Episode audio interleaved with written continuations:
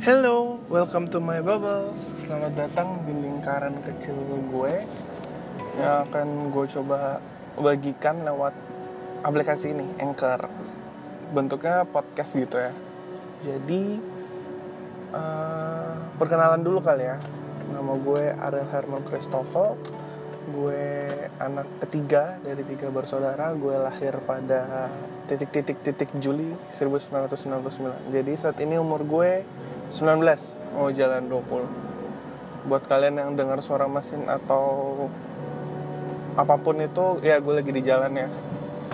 Gue hanya ingin menghabiskan waktu gue untuk coba cerita sama ya orang lain lah. Gue udah lama banget mau nyari aplikasi ini aplikasi Anchor. Kenapa? Karena gue pengen banget bikin ya pengen bikin podcast gini lah pengen pengen cerita cerita pengen punya tempat di mana gue bisa cerita. Cuman waktu itu gue lupa nama aplikasinya apa karena sering banget kan di Instagram cuman kok udah lama nggak pernah muncul. Jadi gue aduh apa ya apa cari cari cari cari. Sampai akhirnya gue waktu itu oh gue buka YouTube. Gue buka YouTube gue cari podcast Indonesia. Karena gue juga suka dengar podcast cuman gue dengar podcastnya luar negeri buat kalian yang suka YouTube uh, gue sukanya Jack Mates sama Mini Minter sekarang. Yang lagi gue suka. Gue buka YouTube podcast Indonesia. Lalu yang muncul ada beberapa orang dan beberapa yang uh, merekomendasikan lo pakai Anchor aja gitu. Lewat linknya di bawah uh, videonya oh ini tuh anchor. Ya udah gue coba download gue coba ya gue coba cari tahu lah. Ternyata oh ini aplikasi yang waktu itu pengen gue cari. Akhirnya ketemu. Lalu kenapa gue main anchor? Hmm, mungkin gue lagi berada di situasi yang membuat gue butuh tempat ngobrol butuh tempat curhat karena gue merasa gue udah nggak bisa curhat sama orang lagi. Gue ngerasa kalau misal gue curhat sama orang kayak ya buat apa juga? Kadang orang tuh mendengarkan banyak banget pendengar-pendengar baik dan gue mengakui teman-teman gue banyak banget pendengar-pendengar baik. Cuman kadang apa yang mereka ucapkan tuh nggak sesuai dengan apa yang kita mau dan apa yang apa tanggapan mereka tuh membuat kita malah semakin lah kok kayak gini sih? Lah kok kayak gini sih jadi gue mikirnya it will be better apabila gue ngoceh sendiri sepanjang lebar. Nah nanti kalian yang dengerin entah kalian mau ngasih feedback atau apa gue ya, itu masalah belakangan. Yang penting kalian denger dulu cerita gue.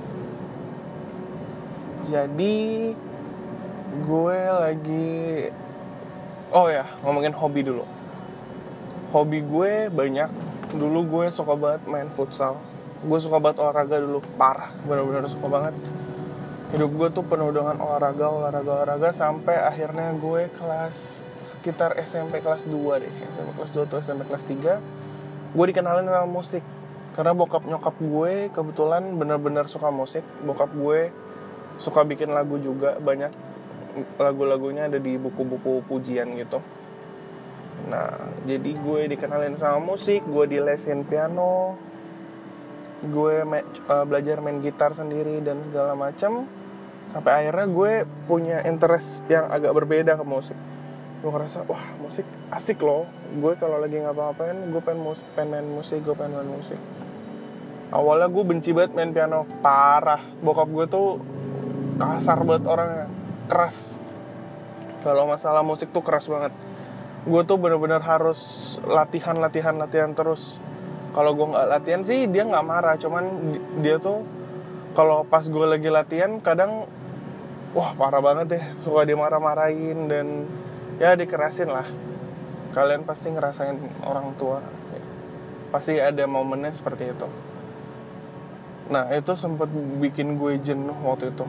Untuk les musik untuk les piano tepatnya. Gue jenuh akhirnya gue memberanikan diri untuk bilang kalau gue mau berhenti les piano gue capek. Karena waktu itu gue masih SM, SMA gue les eh enggak enggak. Gue les itu SMP kelas 3 sampai SMA kelas 1 kalau nggak salah. Dalam 2 tahun gue naik 3 grade. Walaupun kalau buat kalian yang udah pernah les musik buat naik grade itu kalian perlu ujiannya kayak tes gitu gue naik 3 grade tanpa tes jadi gue nggak dapat sertifikat. Ya jangan nggak apa-apa. Yang penting gue dapat ilmunya sih. Udah gue lama-lama musik musik terus. Lama-lama musik kayak merubah haluan hidup gue yang tadinya olahraga olahraga olahraga. Lama-lama gue musik musik musik. Terutama gue musik gereja ya karena gue sering banget pelayanan. Jadi gue mulai di musik gereja. Mulai dari benar-benar di bawah banget dari nggak tahu apa-apa. Sumpah gue cupu banget parah. Dari nggak tahu apa-apa dari nggak bisa apa-apa sampai akhirnya oh mulai ini mulai belajar dari orang apa segala macam. Akhirnya mulai suka dan mulai bisa. Gue suka lagu-lagu dulu ya. Dulu gue suka lagu-lagu pop sih. Dan gue uh, gue tergila-gila banget sama orang yang bisa shredding gitar yang kayak melodi-melodi keren banget gitu. Yang bisa main kalau shredding gitar tuh lebih ke rock sih gue tertariknya. Kayak keren abis nih.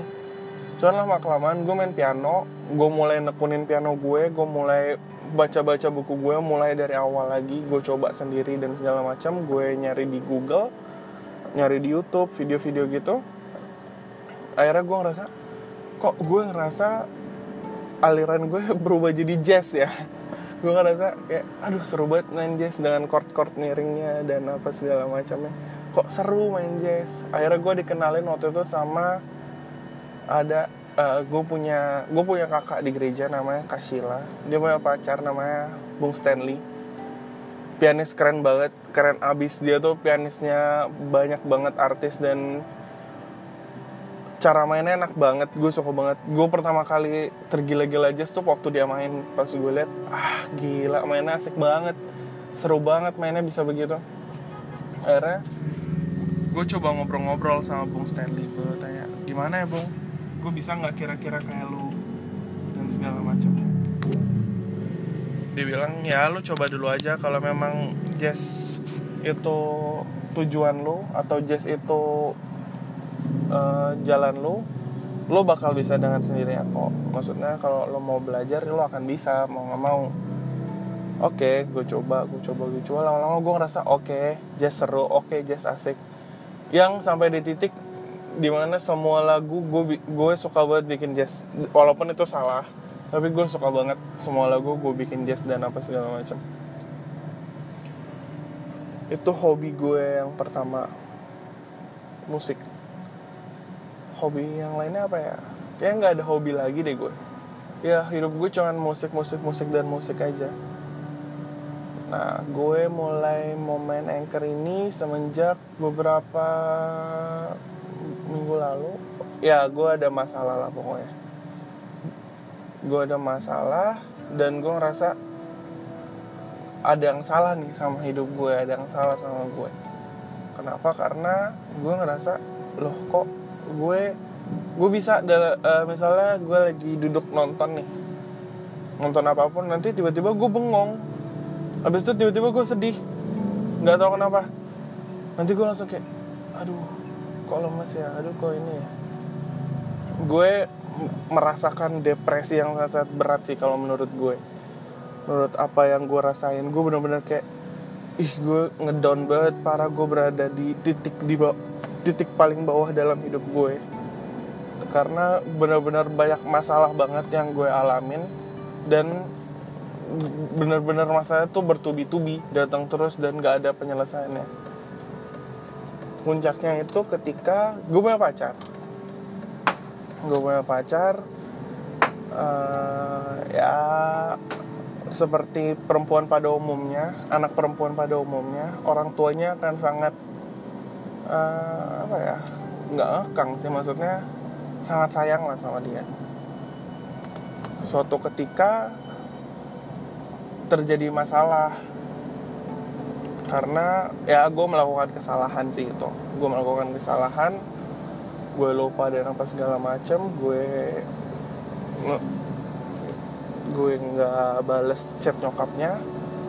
Sampai akhirnya nyokapnya marah dan dia bertanya e, kenapa nggak bales? Ada apa? Uh, kenapa kamu kayak gini dan segala macam? Apa nyokapnya bilang uh, udah ya nggak ada kata maaf lagi cukup sampai sini.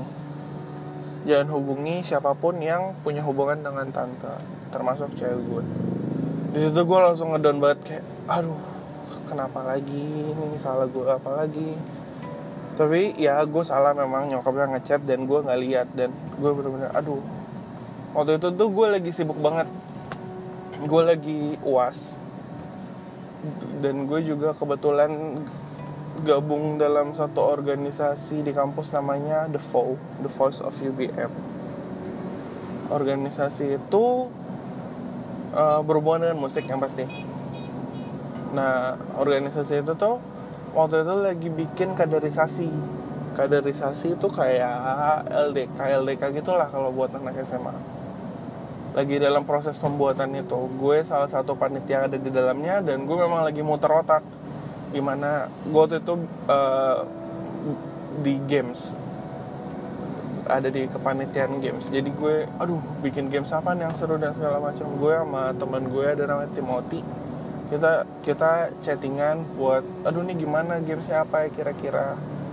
Dan presiden gue presiden itu ketua gue juga udah nagihin mulu nagihin mulu nagihin mulu. Gue langsung kayak oh iya bener sih itu job desk gue dan gue nggak bertanggung jawab banget. Di sisi lain ketika gue lagi uh, bikin kaderisasi itu gue bener-bener lagi hektik banget di gereja.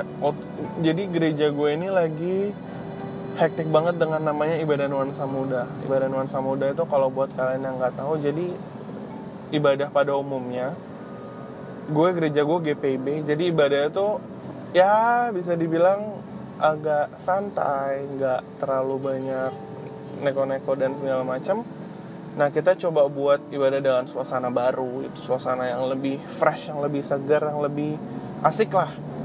Jadi tujuannya itu untuk narik anak-anak uh, pemuda-pemuda yang mau ikut. Cuman ya itu dia. Hektik hektik banget parah. Itu lagi latihan mulu dan kebetulan gue uas dan kaderisasi. Jadi itu bener-bener tiga-tiga itu jalan terus grup di WhatsApp itu gerak terus gerak terus ada bunyi bunyi bunyi bunyi terus. Belum lagi grup-grup yang lain jadi bener-bener HP gue penuh pada saat itu. Nah pas HP gue penuh itu nyokapnya dia ngechat. Dan memang ketimbun benar-benar ketimbun. Karena banyak banget yang ngechat gue untuk keperluan-keperluan uh, tertentu. Jadi gue nggak lihat gue hanya lihat oh oke okay, chat banyak. Jadi gue memprioritaskan oh gue harus balas yang mana nih gue harus balas yang mana nih. Nah sampai akhirnya ternyata gue nggak balas chat nyokapnya. Jadi waktu itu uh, ya ada yang ulang tahun nyokapnya undang gue. Dan gue nggak balas. Mungkin dan nyokapnya kayak kecewa gitu. Ya gue ngerti sih. Mungkin kalau misalnya uh, tante dengar ada minta maaf kalau misalnya ada ada salah uh, percayalah ini nggak akan terulang lagi. Lalu uh, gue menjalani kehidupan gue nah mulai dari situ tuh banyak banget masalah. Kayak gue mulai gue mulai ngerasa depresi itu setelah dari hal itu. Jadi mana gue ngerasa kok semuanya nggak berjalan sesuai dengan apa yang gue rencanakan apa yang gue inginkan kenapa semua orang menganggap apa yang gue lakukan itu tapi ditangkapnya tuh beda dengan apa yang gue maknain. Kayak contoh misalnya lu pengen bikin acara. Lu pengen bikin acara lu pengen ngundang artis nih. Lu pengen ngundang artis ini. Lu pengen ngundang dia dengan budget yang sedikit. Misalnya acara lu apa ya? Kayak apa sih namanya kalau di musik itu um, kayak belajar bareng gitu uh, apa sih? Gue lupa deh istilahnya. Jadi kayak belajar bareng sang artis gitu. Gue lupa istilahnya. Jadi gue misalnya lu pengen bikin acara gitu lu pengen bikin belajar bareng sang artis dan lu menawarkan artis ini nih. Lu menawarkan artis ini karena menurut menurut gue menurut lu dia tuh punya potensi dan uh, punya knowledge yang lebih di bidang musik. Walaupun dia nggak seterkenal itu tapi dia punya sesuatu yang bisa dibagikan. Ada ilmu yang bisa dibagikan. Nggak cuman artis-artis yang terkenal hanya karena viral dan segala macam. Lu coba ngasih ini tapi teman-teman lu nanggepinnya lu uh, nanggepinnya lu nawarin artis ini karena murah. Satu lu pengen ambil untung. Dua karena lu egois lu pengen ketemu artis ini. Nah gitu loh. Jadi kita pengen melakukan sesuatu yang baik nih pengen pengen melakukan sesuatu yang benar. Tapi tanggapannya tuh negatif karena semua orang pasti punya pandangan yang berbeda sama lo. Nah gue tuh lagi dalam uh, suasana hati yang seperti itu. Kayak gue lagi pengen melakukan ini tapi loh kok outputnya negatif dari orang? Memang banyak banyak yang ngomong sama gue lakukan apa yang lo pengen lakukan jangan peduli orang lain. Emang gue pengen melakukan itu. Cuman it's not that easy nggak segampang itu. Apa yang dikatakan tuh nggak semuanya bisa dijalanin. Karena gue pengen banget ngejalanin itu gue pengen banget nggak peduli sama orang lain gue pengen banget jalan sesuai dengan jalan hidup gue cuman nggak bisa. Kenapa? Karena ya kalau misalnya gue kayak gitu namanya gue egois. Gue harus bisa ngerti orang lain juga. Sampai kadang gue harus lebih mengerti orang lain daripada gue mengerti diri gue sendiri cuman kadang cara gue nggak kelihatan. Gue tuh nggak bisa lihat orang lain susah. Bener-bener nggak bisa. Kalau misalnya teman gue lagi kenapa kenapa kenapa gue langsung akan mikir oh gue gimana ya? Cuman gue nggak mau ngomong. Gue tuh tipe yang nggak mau ngomong kayak oh lu lagi kesusahan ya? Ini gue pinjemin duit deh. Atau oh, gue bantuin deh. Apa yang lo butuh? Nggak. Gue nggak kayak gitu. Gue mikir dulu dalam otak gue harus gimana nih? Apa harus gue lakukan? Kalau misalnya gue bisa bantu kira-kira gue bisa bantu apa? Kalau misalnya dia butuh sesuatu kira-kira gue bisa kasih atau enggak? Itu yang gue lakukan. Gue nggak gue nggak bisa langsung ngomong karena gue takutnya ketika gue ngomong dan ternyata gue nggak bisa itu jadi uh, harapan palsu gitu false hope gitu buat dia. Gue nggak mau kayak gitu. Gue ya gue coba pikir dulu. Nah gue mulai ngerasain jatuh banget hidup gue jatuh banget hidup gue dan banyak banget mulai gue mulai ngeliat nih mana teman-teman gue yang mulai oh orang-orang ini care loh sama gue. Oh orang-orang ini yang mungkin nggak pernah kelihatan mungkin nggak pernah bagi waktu banyak sama gue tapi ketika gue coba ekspresin lewat media sosial mereka mengerti. Memang kehidupan media sosial itu nggak bisa dijadiin sebuah landasan untuk kehidupan pribadi kita sih. Cuman gue mengakui gue sebagai uh, generasi nunduk gue gak tahu lagi mau melakukan apa akhirnya gue coba share di media sosial dengan bikin story-story dan segala macam yang tentunya akan menyakiti banyak orang. Gue tahu banget karena ketika gue bikin satu story yang kena pasti banyak orang. Terus langsung ngechat ini kenapa real apa segala macam. Maksudnya apa real lah kenapa jadi lo yang ini? Ya itulah media sosial. Dan gue ngerasa oke okay, gue harus stop di situ. Kalau gue ngelanjutin itu terus gue ngerasa ya gak akan selesai masalah gue. Akhirnya gue nyari anchor inilah. Sampai akhirnya ketemu jadi gue bisa oh gue bisa cerita ceritain kehidupan gue dan segala macam. Uh, ketika gue ngerasain depresi itu gue punya salah satu sahabat. Sebut saja Mawar sahabat yang gue gue ngerasa udah deket banget. Benar-benar udah gue gue sayang banget lah sama dia. Gue sayang banget. Jadi banyak beberapa masalah dia yang dicoba ceritain ke gue dia pernah apa segala macam gini gitu gini gitu gue coba cari jalan keluar. Gue kenalin sahabat gue ini ke cewek gue dan dan cewek gue seneng banget karena ternyata sahabat gue ini sepemikiran sama cewek gue maksudnya satu jalan ya satu jalan lah. Tapi gue entah kenapa gue pengen pengen banget pada saat itu gue pengen banget cerita gue pengen banget cerita gue ngechat dia. Gue ngechat dia tapi nggak dibales. Gue yang saat itu lagi ngedon ngedonnya benar-benar lagi jatuh-jatuhnya gue bingung gue harus ngapain gue ini harus ngapain. Jadi gue bilang sama dia oke okay, kalau memang lo sibuk oke okay, thank you ya for everything. Terus gak berapa lama dia balas santai aja kali. Kalau misalnya uh, gue ada waktu gue pasti balas chat lo kok. Terus dia langsung nanya gimana ada kemajuan dengan permasalahan gue gue kayak uh, oke okay, lo memang lo memang sibuk dan segala macam. Gue pun sibuk. Cuman ketika lo bilang ke gue uh, aku mau cerita nih gue mau cerita nih lagi begini begini begini.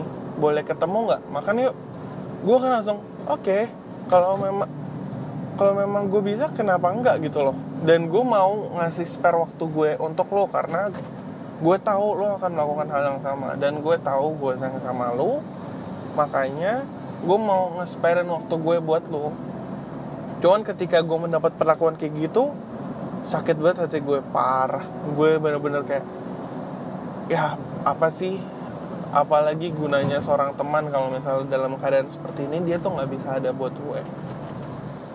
Kembali lagi gue melakukan hal bodoh. Dengan cara saat itu gue nggak tahu gue harus melakukan apa jadi gue nge-share di media sosial. Gue bikin quotes quotes yang ya agak-agak menyindir. Padahal sebenarnya itu menyindir untuk banyak orang dan untuk ngasih tahu ke banyak orang. Cuman dia kayak merasa tersindir dan merasa gue telah melakukan kesalahan besar terhadap dia jadi dia kayak menarik diri gitu dari gue. Lalu gue berpikir oke okay, ya it's okay kalau memang lo pengen menarik diri sama gue. No problem gitu loh. Gue mau bilang apa juga yang pasti yang harus lo tahu adalah gue selalu ada nih buat lo. Gue selalu sayang sama lo apa pun yang terjadi. Tapi kalau memang itu keputusan lo ya nggak apa-apa gue coba jalanin itu aja. Gue mengalami benar-benar breakdown banget. Gue di mom di momen yang gue nggak punya siapa-siapa gue nggak punya memang gue nggak punya banyak teman karena gue nggak bisa bergaul. Gue nggak bisa se enjoy kayak gini cerita ke siapa pun. Gue nggak bisa bener-bener nggak bisa. Kayak misalnya gue diajak jalan sama nyokap sama bokap. Terus nyokap bokap kebetulan pendeta. Ketemu nih misalnya sama jemaat bokap gue. Oh iya ini apa segala macam. Oh ini Ariel yang dulu masih kecil dan apa segala macam itu ya. Oh iya. Iya udah besar ya. Sekarang kuliah di mana? Gue akan jawab kayak UBM udah gitu doang. Dan gue cuma bisa senyum-senyum hehehe iya senyum-senyum. Gue ngerasa nggak nyaman gitu. Karena gue nggak nggak bisa sedekat itu sama orang. Makanya ketika gue udah deket sama satu orang gue udah bener-bener ngejalanin misalnya sahabatan ya paling paling paling banyak sih sahabat. Gue nggak akan bisa lepas gitu loh gue nggak akan bisa ngelupain itu. Dan gue akan selalu ngerespek dia apa pun yang terjadi.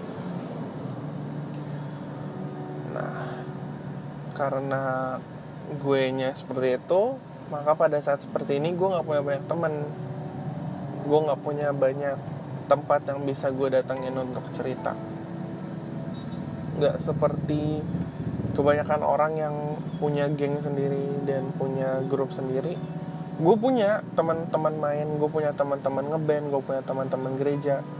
Cuman gue nggak bisa cerita seluas itu kepada mereka. Kenapa? Karena gue ya buat apa? Itu loh. Gue takutnya apa yang menjadi cerita gue ini malah jadi nambah beban gitu buat mereka. Malah akan ya akan menghancurkan kehidupan mereka lah kasarnya kayak gitu. Akhirnya gue pendam sendiri gue pendam sendiri. Nah pada saat itu gue menemukan hobi baru gue. Jadi gue beli Netflix sama teman gue Netflix langganan beneran kan mahal ya. Ini gue beli 35 ribu 3 bulan kalau nggak salah. Jadi kalau nggak salah Netflix tuh lagi ada ah nah nah nah nah nah, nah. bukan bukan. 35 ribu 3 bulan itu Spotify. Jadi Spotify tuh lagi ada promo yang cuman berapa gitu. Jadi dia jual ke gue dengan akun baru dan segala macam akhirnya gue beli. Uh, gue beli Netflix juga sama dia lalu gue ya gue mulai nonton nonton Netflix lah. Banyak lah film-film Netflix yang gue pengen tonton sebenarnya. Cuman karena waktu itu gue belum berlangganan dan gue nggak tahu cara berlangganan seperti apa jadi gue bingung gue harus nonton lewat mana. Akhirnya pas sudah berlangganan gue oh ini nih film ini oh film ini oh film ini. Wah gue jadi sering banget nonton. Itu gue karena gue lagi libur kuliah dari pagi sampai pagi lagi tuh gue bisa nonton mulu kerjanya. Nyokap apa marah-marah ini gimana sih? Kerja rumah belum dikerjain belum diberesin tapi nonton dulu gitu. Ya tapi dengan nonton itu gue ngerasa oh ini uh, comfort zone gue. Dan gue mulai merasakan apa yang orang lain rasakan gitu loh. Karena gue nggak gue selama ini nggak terlalu into nonton gue hanya suka Marvel hanya suka ya hanya suka film-film superhero gitu. Lalu gue mulai diperkenalkan dengan banyak film-film drama film-film romance dan segala macam gue mulai merasakan apa yang orang rasakan apa yang kayak banyak yang ngomong tuh ih gue pengen banget deh hidup gue kayak di film-film gitu dan segala macam gue kayak apa sih? Apa yang lo suka dari hidup hidup di film-film gitu? Kan itu palsu dan segala macam pas gue lihat gue mulai merasakan sindrom yang sama. Gue mulai merasakan oh iya yeah, asik juga kali ya hidup di kayak gitu. Seru gitu loh. Lo bisa melakukan apa pun gitu. Bahkan gue nonton satu film judulnya The Proposal yang menceritakan tentang yang main Ryan Reynolds sama Sandra Bullock. Menceritakan tentang bagaimana uh, seorang sekretarisnya ini harus menikahi bosnya karena bosnya mau dideportasi. Itu kan bener-bener kebetulan banget dan itu jarang banget terjadi. Tapi ternyata se seorang bos yang galak cuek bener-bener kejam banget punya soft spotnya loh. Punya titik di mana dia bisa oke okay, gue bisa jatuh cinta sama orang lain gue bisa berbuat baik sama orang lain dan segala macam. Dan yang gue lihat dari semua film romance itu segalak apa pun lo sekekeh apa pun lo sekeras kepala apa pun lo lo pasti punya soft spot. Punya titik lemah yang orang lain tuh nggak tahu atau orang lain tuh nggak bisa mengerti titik lemah lo gue kebetulan orang yang galak itu.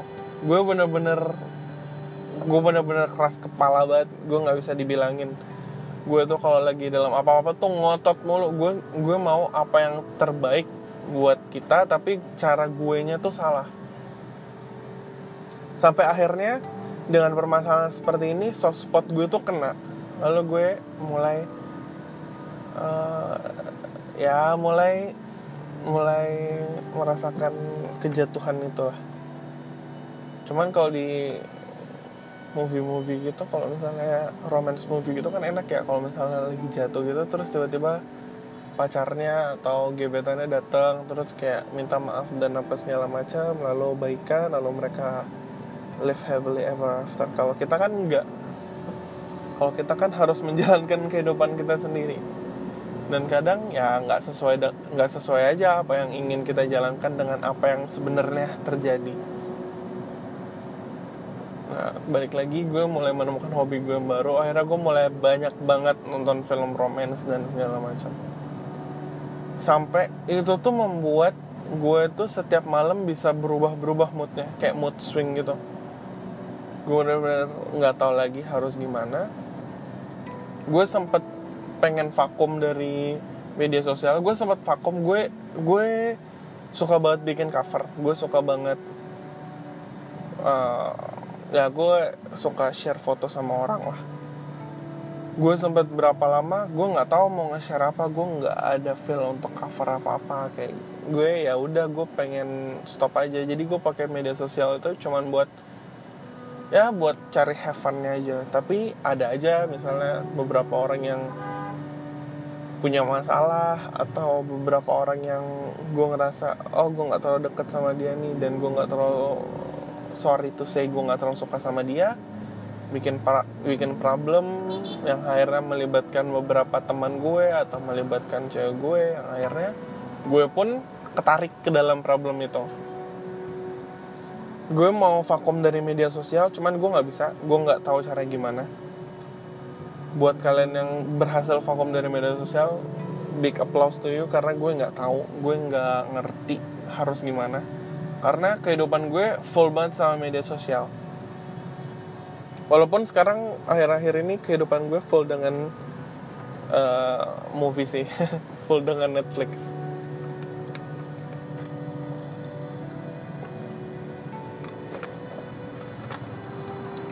Uh,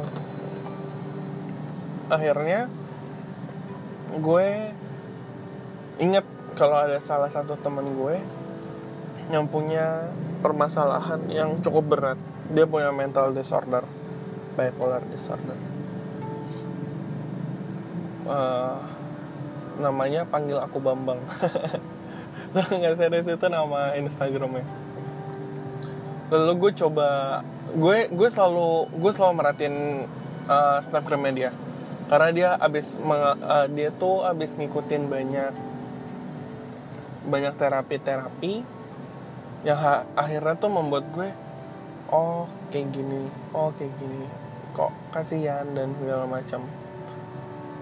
Gue sempat sekali nge-encourage dia buat ayo semangat there's many people that loves you.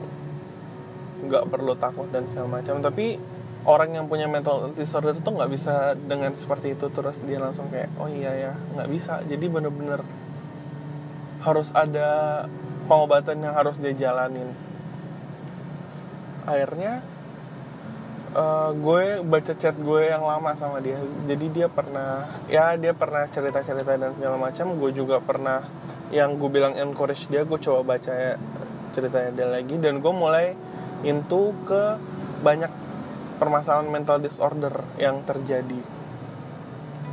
Salah satunya waktu itu sempat ada artis siapa yang ngomongin tentang permasalahan ini. Dan gue nonton videonya gue merasa apa janjian gue itu mental disorder ya? Atau gue ini punya bipolar? Atau gue bener-bener depresi? Atau gue tuh kenapa sih?